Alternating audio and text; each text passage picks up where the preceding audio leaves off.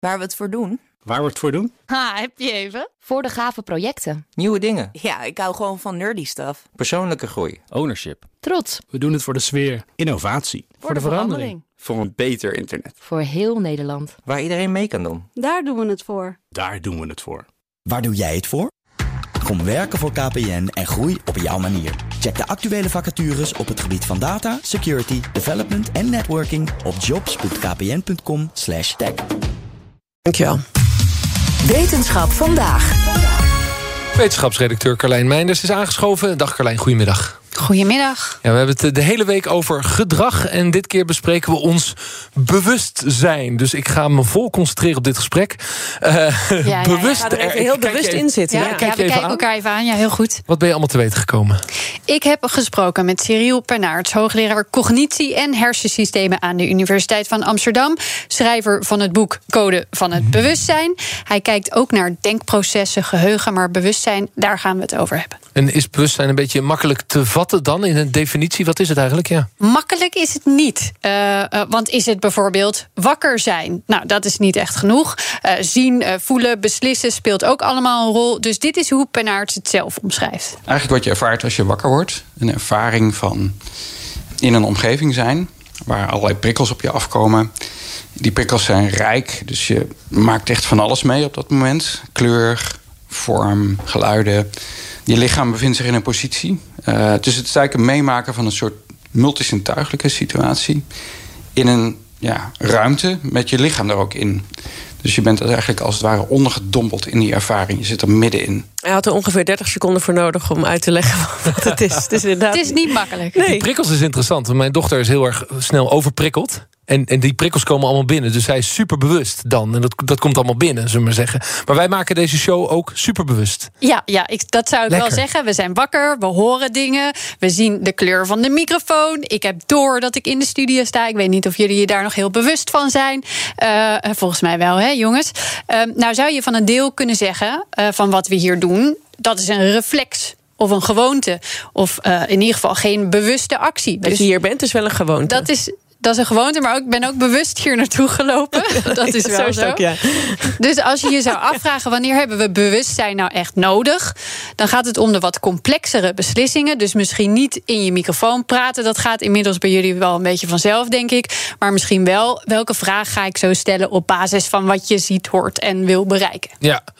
Ik moet altijd denken aan het autorijden, wat je onbewust kunt doen. Dat je dan op een gegeven moment je realiseert dat je tien minuten geleden, dat je denkt, waar heb ik allemaal zitten denken? Hey, ben ik wel bewust aan het rijden? Heel veel mensen die forensen, dat is een beetje voor corona, Roos. Forensen die ik elke dag heel vaak helemaal niet bewust. stuk snelweg. Nee, ik klap gewoon die A1 af naar Ja, huis. precies. Als je hele andere dingen kunt bedenken op zo'n moment, dan Ja. ben je niet heel Dan ben je erg dus eigenlijk bewust. onbewust aan het autorijden, maar dan realiseer je, maar doe ik wel met 100 km per uur.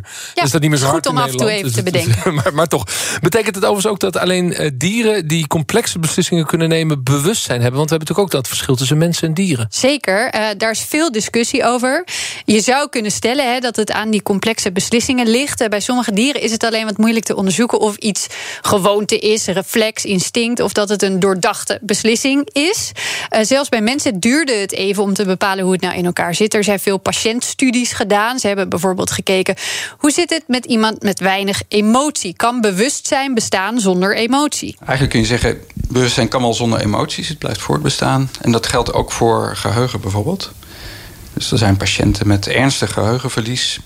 Die leven eigenlijk op een soort eilandje in het heden. Van ze kunnen niet meer terughalen wat er twee minuten geleden gebeurde. Maar ze zijn wel heel erg bewust. En zo hebben taal. Ja, patiënten zonder taalvermogen zijn toch wel heel erg bewust. Net zoiets als motoriek, lichamelijke beweging hebben ze ook naar gekeken. Daarvan weten we ook inmiddels, is niet nodig voor het bewustzijn. Wat dan wel? Over welk mechanisme hebben we het? Het is de manier van de hersenen om chocola te maken van alle zintuigelijke inputs. Het idee is eigenlijk dat die hersenschors, dus dat, dat is zeg maar dat orgaan met al die windingen wat je ziet als je de schedel openmaakt, een systeem is waarbij die zintuiginputs binnenkomen. Die eh, cortex, die systemen daar bouwen eigenlijk een soort model van: oké, dit kan er aan de hand zijn met die inputs. Dus we proberen eigenlijk te voorspellen wat er gaande is.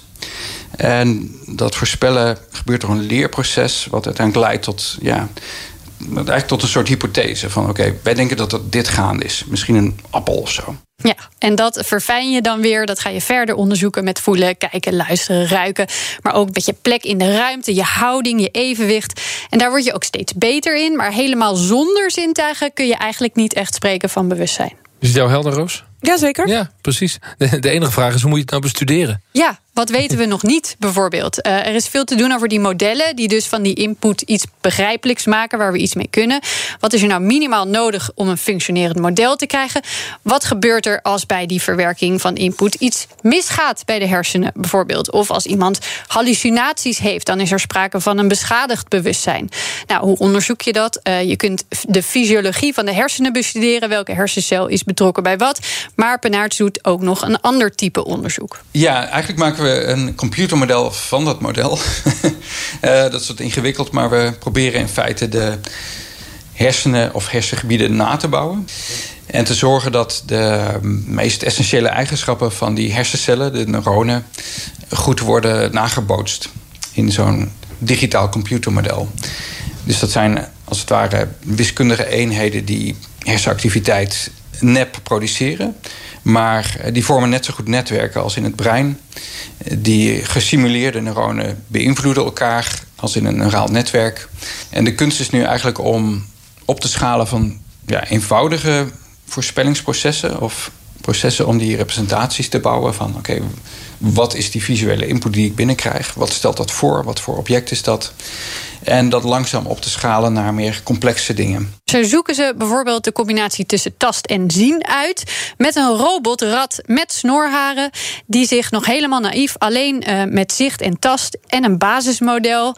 Uh, door een ruimte met obstakels moet bewegen. Hoe maakt die rat dan beslissingen met dat computermodel eigenlijk als hersenen?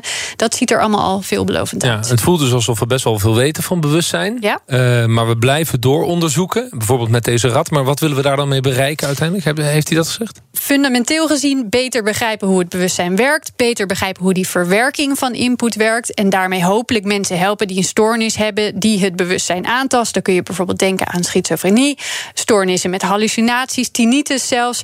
Of de uitval van hersengebieden. Ja. Ik moet, Roos, ik moet heel erg denken aan uh, die film A Beautiful Mind. Toen je het had over die, over die hallucinaties, die gezien?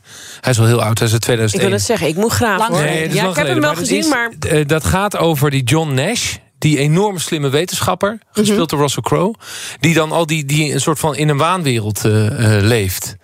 Nou, goed, kijk dit voor de zomer films van 20 Ik ben me er even niet bewust van. Zeg ik het zo goed? Ja, heel goed. Heel goed. Dankjewel, Carlijn. Wetenschap vandaag wordt mede mogelijk gemaakt door Gimmicks. Gimmicks, your trusted AI partner. Ook Liesbeth Staats vind je in de BNR-app. Ja, heel handig. Luister live naar Kees en mij tijdens de Daily Move. Dan blijf je ook gelijk op de hoogte van breaking news en het laatste zakelijke nieuws. En daar vind je ook alle BNR-podcasts, waaronder de Perestrooikast. Download nu de gratis BNR-app en blijf scherp.